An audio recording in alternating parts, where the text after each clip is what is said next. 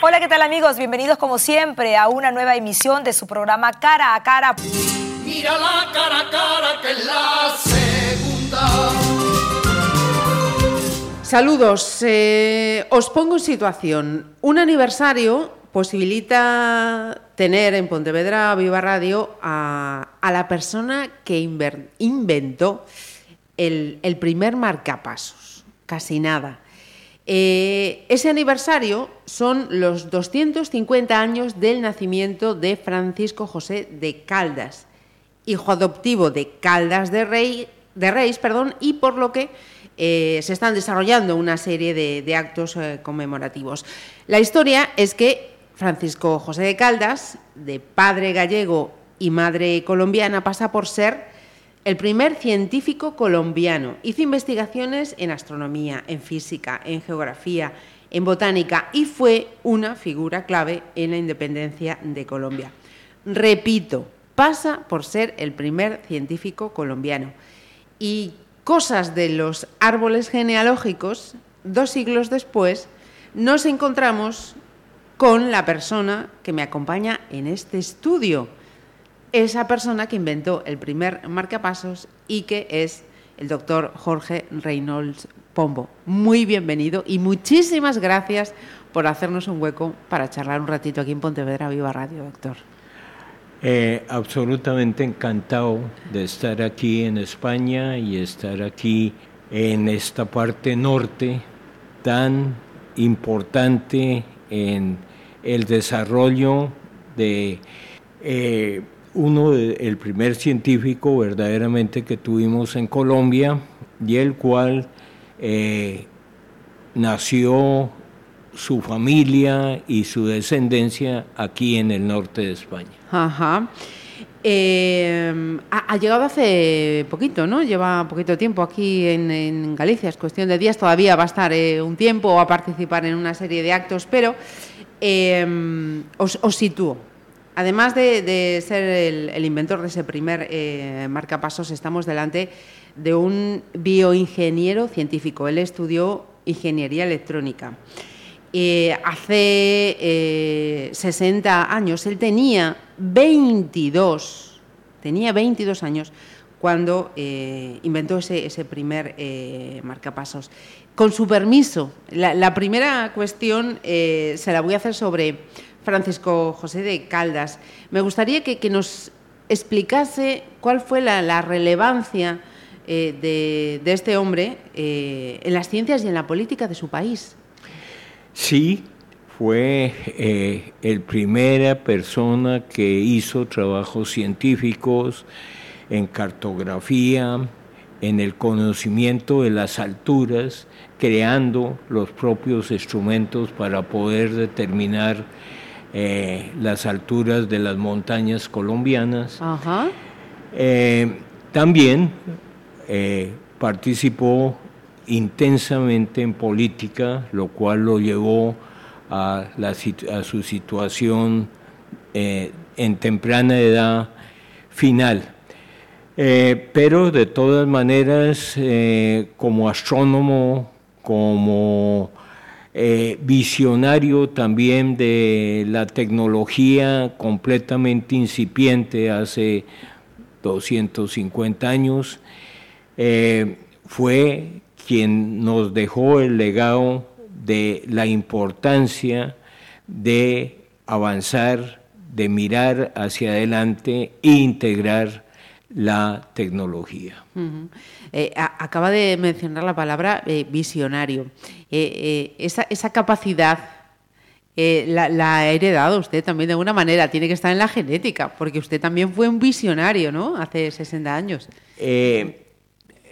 podríamos decir que sí. Miro hacia adelante, miro cómo estamos creando un mundo tan diferente a base de nuevas ideas, nuevas tecnologías, nuevos desarrollos y no solamente eh, esto como ideas, sino la aplicabilidad de todo este, eh, este nuevo mundo que se vuelve exactamente una bola de nieve en que cada momento va creciendo, va creciendo a unas velocidades verdaderamente increíbles. Hoy día podemos pensar que qué va a pasar más o menos en cinco años. En diez años ya es muy trabajoso saber. El mismo desarrollo de las mismas tecnologías y demás no nos deja eh, ver eh, eh, claramente cuál va a ser el mundo, porque esto tendrá repercusiones económicas, sociales, visionarias hacia, hacia, el futuro, nuevas maneras de educación y nuevas maneras cada vez mayores de integración internacional. Yo creo que para dentro de 20 años o algo así, la integración eh, entre países y demás será absolutamente básica e importante. Así es que eh, de una u otra manera, a pesar de las eh, diferencias muchas veces políticas, religiosas y demás, más bien nos estamos acercando que alejando. Y todo esto se debe a un elemento, un elemento que no nos acordamos, lo olvidamos totalmente, que es el transistor. No es el radiecito, ah. es el elemento transistor que transformó el mundo totalmente y que hoy día en cualquier actividad está presente. Aquí para cualquier ejemplo, estamos hablando por un sistema de radio, todo es transistores. Nuestro reloj, nos despertamos, lo primero que hacemos es miramos el reloj, es un reloj que eléctrico, el cual funciona con transistores. El jugo de naranja que nos tomamos viene eh, de una licuadora que para dar las velocidades tiene un microprocesador transistores.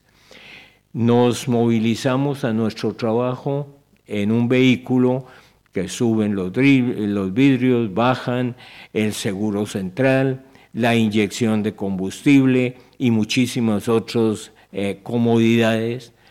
Todo esto gracias a un microprocesador transistores.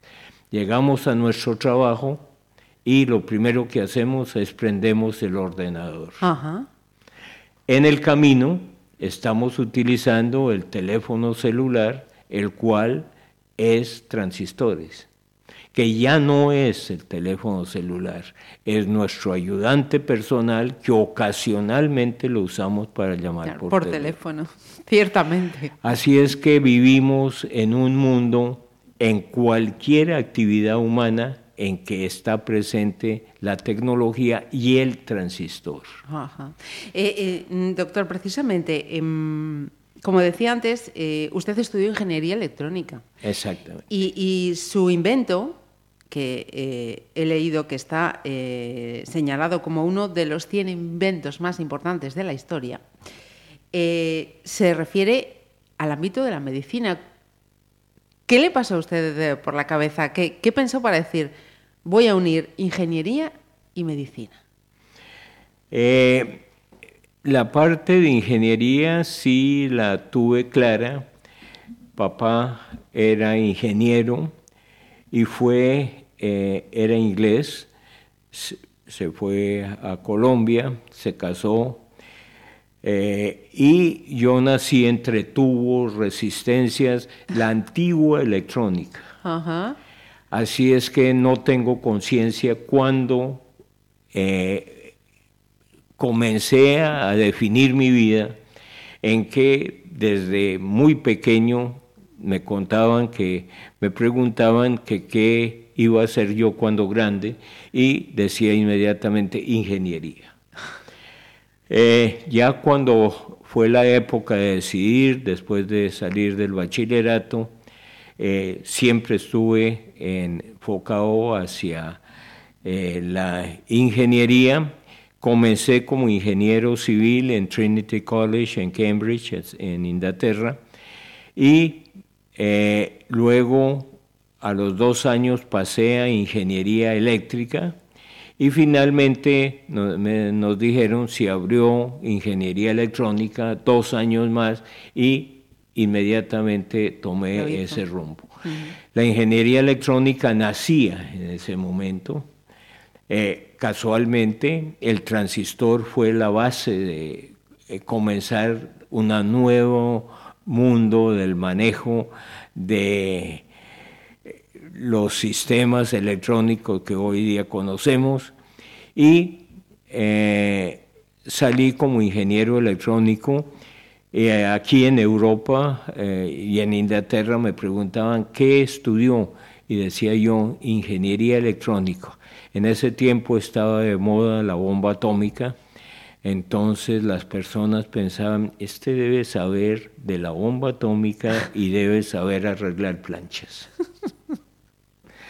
Entonces eh, volví a Colombia todavía más eh, distante de conocer toda esta tecnología. Y por una serie de casualidades entré a trabajar a la Universidad Nacional porque les eh, a la Facultad de Medicina porque les había llegado una serie de equipos electrónicos, los primeros que llegaban al país y eh, los tenían todavía embalados eh, y me, digamos, me contrataron para desempacarlos y ponerlos a funcionar. El decano de medicina de la Universidad Nacional en ese momento, pues estuvo viendo, a los 20 días ya teníamos funcionando los equipos y demás, y cuando le fui a decir ya está el trabajo que me habían, eh, temporal que me habían dado, eh, me dijo, lo acabo de nombrar ingeniero electrónico del Departamento de Fisiología de la Facultad de Medicina. Muy raro. Eh, y me dijo, es una cosa rara, pero yo, yo he visto que para nosotros los médicos y los profesores, necesitan de un ingeniero electrónico que conoce estos aparatos. Para nosotros es absolutamente algo nuevo que no sabemos cómo funciona. Y de esta manera, ahí principié a aprender que el corazón era un sistema eléctrico. Casi simultáneo, eh, el decano me dijo, se abre una nueva clínica eh, que es relacionada con el corazón y les está llegando una serie de equipos y como usted ya tiene, ellos quieren hablar con usted. Al final acabé trabajando mitad de tiempo en la, en la universidad, y la mitad de tiempo en, la clínica Shayo. Y en la clínica Shayo veía la cantidad de pacientes que por el problema de arritmias eh, moría, que no había solución. Pensando en que el corazón era un sistema eléctrico y que se podía intentar la idea de un sistema de generación de pulsos eléctricos eh, artificialmente, le comenté esta idea al jefe de cirugía, el doctor Alberto Bejarano, y eh, él le pareció una idea coherente y principiamos con él a trabajar en ver si esa idea era, algo importante o no. Y el primer sistema fue un tocadiscos de 78 revoluciones, eh, palabras que hoy día un, eh, un, joven no tiene ni idea, tocadiscos, 78 revoluciones, es completamente fuera de todo. Eh, y este sistema, lo, en vez del disco, lo adapté con un cono, de aluminio y eh, en cada vuelta cerraba un circuito y producía un pulso eléctrico. Con este sistema eh, comenzamos a ensayar en tejidos vivos, vimos que funcionaba, estábamos en todo este trabajo cuando en cualquier día aparece el doctor Bejarano, jefe de cirugía, y me dice, acaba de llegar un paciente remitido del Ecuador, el cual tiene un bloqueo y no hay nada más que ofrecerle que este eh, sistema que estamos ensayando. A mí me pareció monstruosa la idea. Eh, él me trató de convencer y me dijo, camine, hablamos con el paciente. Y el paciente era un sacerdote ecuatoriano que tenía el bloqueo y entre el doctor Bejarano y el sacerdote me convencieron, de que eh, era la única solución y yo pensé, bueno, si es un sacerdote, si se muere, que me exima de irme al infierno. y eh, y eh, se hizo la implantación y para abreviar eh, todo este cuento, el sacerdote vivió 18 años y murió de 104 años. O sea que mm, no solo se la eximió, es que debe usted tener, vamos, un mirador en primera línea de cielo. Ojalá tenga indulgencias plenarias o algo por el estilo. Eh, doctor, yo, yo, he leído una frase suya eh, que dijo, lo que nos hace humanos es el cerebro y lo que nos sostiene a la vida es el corazón. Y cuando leía esto, pensé yo, mira que vamos a tener que cambiar una frase que repetimos mucho, eso de te quiero con todo mi corazón. Cuando en realidad deberíamos decir te quiero con todo mi cerebro. Sí, lo que pasa es que este dicho viene de la antigüedad, en el cual la única eh, percepción de que una persona estaba viva era que se sentían las pulsaciones del, corazón. Entonces el cerebro, como es silencioso, no era tan importante. Pero de todas maneras el cerebro es el que nos hace humanos, a diferencia de los animales que también tienen cerebro, pero el cerebro del hombre es tan evolucionado que es eh, el órgano que nos hace creativos, nos hace eh, lo que somos humanos. Eh, el corazón pues nos soporta la vida de ese cerebro y de los demás órganos. Así es que eh, también el riñón, el hígado, todos los otros ah, órganos son de gran importancia, pero digamos que los dos con mayor énfasis en, la vida son el cerebro y el corazón. Eh, doctor, gracias a ese, a ese primer marcapasos, en, en, estos últimos 60 años, más de 70 millones de personas han, arrancado una segunda oportunidad a, la vida. Y, el tiempo lo dirá si el nombre de Jorge Reynolds Pombo vuelve a repetirse en la historia porque he visto que está trabajando ya en, el proyecto de un nanomarcapasos. Para quienes nos escuchan se hagan una idea, si aquel primer marcapasos eh, necesitaba una batería transportada de 45 kilos, más o menos. 45, 50 kilos. Este nanomarcapasos tendría el tamaño de la cuarta parte de un grano de arroz. Y pesa 0.7 de gramo. ¿Cómo está? Este ahí podemos ver un poco en 60 años la evolución de la tecnología. En la reducción de, no, más en la reducción de peso, no solamente que es un sistema eh, muchísimo más evolucionado, muchísimo eh, eh, más inteligente, dijéramos, que en cada momento se ajusta a las necesidades del quien tiene un marcapaso, mejor dicho, si está corriendo, automáticamente acelera el funcionamiento, si está durmiendo, se lentifica. Y algunos otros parámetros son totalmente automáticos. Así es que no es solamente el tamaño, sino la densidad de tecnología para volverse cada vez más semejante al sistema, sistema fisiológico eh, humano. ¿Y, ese proyecto en qué momento se encuentra? ¿Todavía Estamos eh, ya listos a que nos den los permisos para poderlo implantar en el primer humano. Esperamos que antes de fin del año eh, se pueda, realizar. hacer esa implantación. Ajá.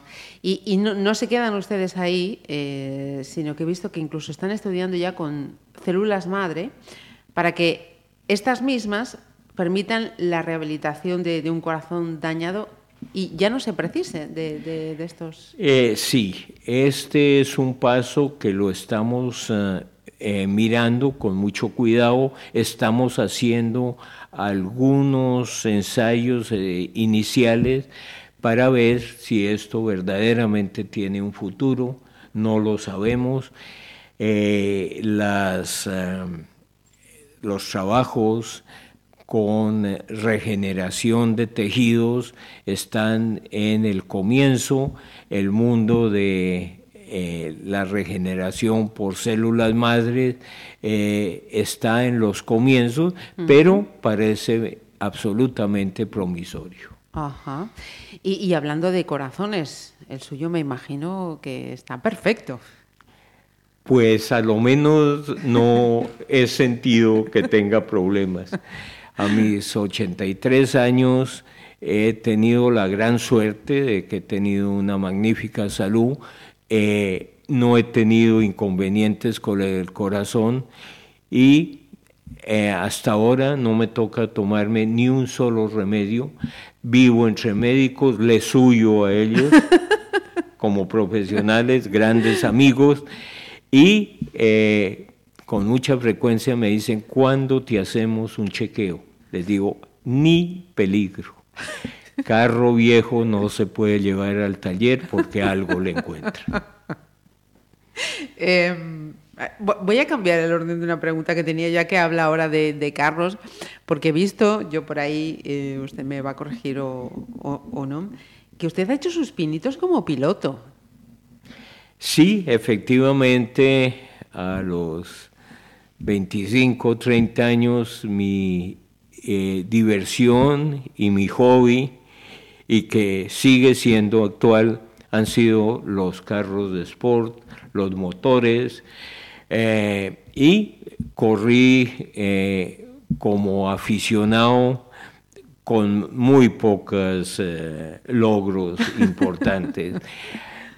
pero sigo siendo aficionado a Fórmula 1, al Fórmula E, a todo este desarrollo que no solamente nos muestra un deporte en progreso, sino que también la tecnología que sale de toda esta evolución de los nuevos carros eléctricos y demás, tiene que ver y que la observación muchas veces pueden ser aplicados en otros campos, en este caso en la misma medicina. Ajá, e incluso a pilotar aviones, me decía antes. Sí, sí, efectivamente, también eh, hice mi curso de piloto privado en aviación, eh, estuve en el mundo de la aviación por un tiempo, pero poco a poco, con los años, eh, mis diferentes trabajos y ocupaciones ya no, me dejan tiempo para... Eh, y también la edad, también hay que pensar que hay un límite en la vida eh, hice mucho eh, deporte, eh, escalé montañas, fui alpinista, también como parte de investigación de los montañistas, cómo funcionaban esos corazones en situaciones extremas en los Himalayas, en diferentes deportes, he seguido a jugadores de fútbol, a muchísimos deportes. Lo mismo que me interesa enormemente el corazón de los animales, desde los insectos, un mosquito, hasta el corazón de una ballena. Por ahí quiero ir. Doctor, le, estoy haciendo hablar mucho. En el momento que usted quiera beber agua, no se preocupe, mm, que sin problema ninguno, usted bebe, y, yo sigo preguntando y, hablando. Eh, nos hablaba eh, de esto, de los animales, desde el mosquito hasta la ballena. Y, yo tenía preparada eh, una, pregunta en ese sentido porque mm, estaba mm, rebuscando por internet y he visto un vídeo precioso de un proyecto que se llama Pacificanto. ¿Qué fue esto? Eh, Pero beba primero, por favor, que lo tengo aquí hablando mucho y, no me gustaría... Efectivamente, eh, yo creo que la ciencia, la tecnología es muy cercana al arte. Eh, conforme un proyecto científico, si no tiene bases matemáticas, no es científico. Asimismo, siempre hay la posibilidad de una expresión en el arte de procesos que aparentemente no tienen que ver nada. Y en este caso, pues em, las ballenas fueron el protagonismo. Eh, ¿Por qué las ballenas? La ballena es el, el, animal más grande que existe y que ha existido en toda la historia de nuestro planeta más grande que cualquiera de los dinosaurios del pasado. Y este animal que en el caso de la ballena azul puede eh, medir 35 metros, 35 metros son tres tractomulas grandes una detrás de otra, puede pesar 200 toneladas y tienen un corazón que pesa 2 toneladas. 4.500 veces más grande que el corazón humano, pero es un corazón de mamífero. Es decir, dos aurículas, dos ventrículos, y este gigantesco corazón pues fue verdaderamente algo en que me apasioné, trabajé 19 años eh, creando la tecnología, algo muy importante, para poder estudiar el corazón. Y de todo esto se derivó a una pieza musical que se hizo el compositor venezolano Huáscar Barrada, el cual consistió en poder utilizar los cantos de las ballenas, que es su sistema de comunicación, y crear con la soprano más importante que hemos tenido en Colombia, eh, Marta Sen, y de todo esto se hizo un concierto, eh, no solamente la parte artística, sino la parte tecnológica, porque colocamos en el mar, en el fondo del mar, eh, hidrófonos que son micrófonos, mm, pero para el agua. Tomábamos los cantos de las ballenas utilizamos para llevar esos cantos y los sonidos del corazón de la ballena por medio de un satélite hasta Bogotá. En Bogotá, en uno de los cerros adyacentes a la Catedral de Sal, en Zipaquirá, es una catedral muy grande que está, se aprovechó la caverna que se había hecho de la explotación de sal y ahí hay una iglesia absolutamente preciosa y de un tamaño gigantesco. Esta acústica y demás fue el escenario de todo un arreglo musical, visual, de eh, esos cantos, eh, la pieza musical, y la tecnología, como le decía, de poder por fibra óptica, esto hace 16 años, que era el comienzo de la fibra óptica, eh, desde el cerro hasta la caverna y poder ahí hacer la amplificación. Eh, pero el instrumento eh, principal eran los cantos de las, ballenas. Es tremendo. Lo vamos a vincular en la información y que Esto lo llamamos pacificando, es decir, eh, paz, el pacífico y el canto. Ajá. Es, es vamos, lo, lo, vinculamos porque merece la pena verlo. Doctor, eh, tengo en mi mano eh, mi teléfono móvil.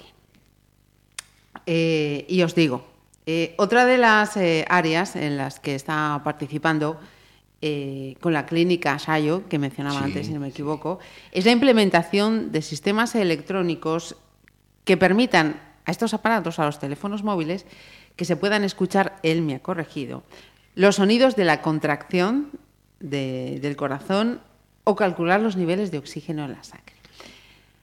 Estos aparatos son ya hoy una herramienta necesaria para todos. Absolutamente, sin el teléfono celular no podemos vivir.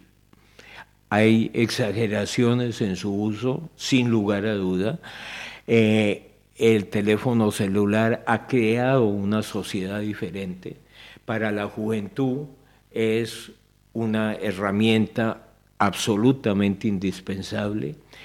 Eh, no sé si es peor o mejor, eh, ha eh, creado una comunicación a través de los teléfonos celulares en que la juventud ya no habla De tú directamente, prefiere hacerlo a través del teléfono o del computador o de lo que sea. Mejor, peor, aterrador para muchas personas que tenemos años.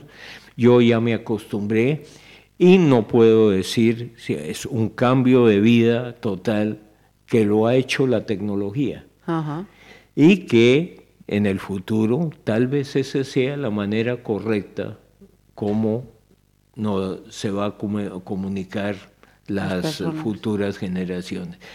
Y que se perderá tal vez la expresión directa. Hoy día eh, inclusive estando a pocos metros de distancia una persona de otra prefiere hablar por el por medio del teléfono Ajá. celular E- e incluso pu- pudiera ser, ¿no? Ahora que habla de perder esa, ese contacto fís- físico, que hasta los teléfonos no- nos puedan transmitir como ese, As- así es esa, esas- ese estado anímico, esa... Sí, sí.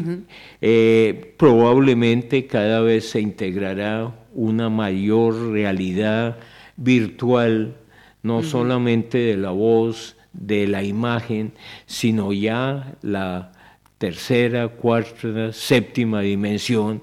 Entonces tendremos lo que ya se está haciendo de la proyección física de una persona en la cual podemos estar hablando, darle la mano y todo virtualmente. Se encuentra a cualquier distancia Ajá. el interlocutor.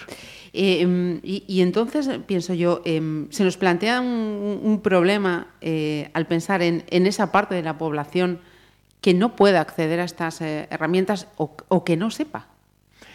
Sí, lo que pasa es que hoy día, como podemos ver, un niño de dos, tres años ya coge Ya un es innato. teléfono y ya eh, sabe cómo, Cómo funciona, manejar. a lo menos cómo cogerlo y, y- y ya no, no hay que enseñarle aprende los números solos por eh, sencillamente eh, los botones del teléfono celular y el teléfono celular como dije anteriormente ya no es el teléfono celular es nuestro ayudante personal que ocasionalmente lo usamos para llamar por teléfono Pues eh, yo, estaría horas hablando con, con el doctor, eh, pero tiene más eh, compromisos. Lo que sí quiero es hacerle un agradecimiento por este regalo, que ha sido la ocasión de poder charlar con usted, que disfrute mucho de su estancia aquí en, en Galicia y, y gracias de nuevo. Pues muchísimas gracias por la invitación, encantado de estar aquí en Galicia. Eh, la amabilidad de las personas es verdaderamente eh, apreciable y eh, todo esto nos lleva a que cada día tenemos que tener más cercanías. entre los diferentes pueblos, las diferentes personas y también las diferentes disciplinas. Un placer. Buenas noches España, buenas noches Europa, buenas tardes América. Saludos cordiales a los que nos siguen a través de Internet desde cualquier parte del mundo.